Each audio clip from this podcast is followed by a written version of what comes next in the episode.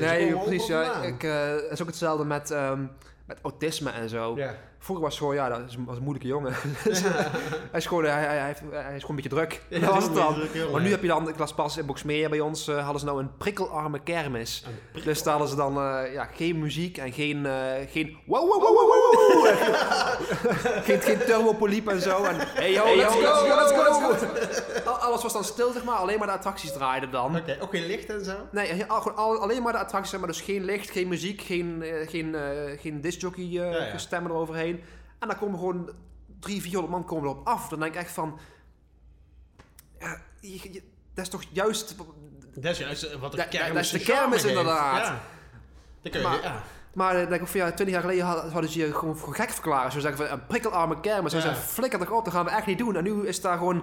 Is daar gewoon bijna een, eh, vanuit de gemeente wordt dat gewoon opgelegd Ja. van ja, dat moeten we gaan doen. En dat soort flauwekul, dat kan ik, Nou, ze hebben ook een achtbaan voor mensen met hoogtevrees, hè? dat weet ik niet zo best Ja. kunnen. Een trein. Oh, wel heel, wel heel setsgelijke maar eh, grap hoor.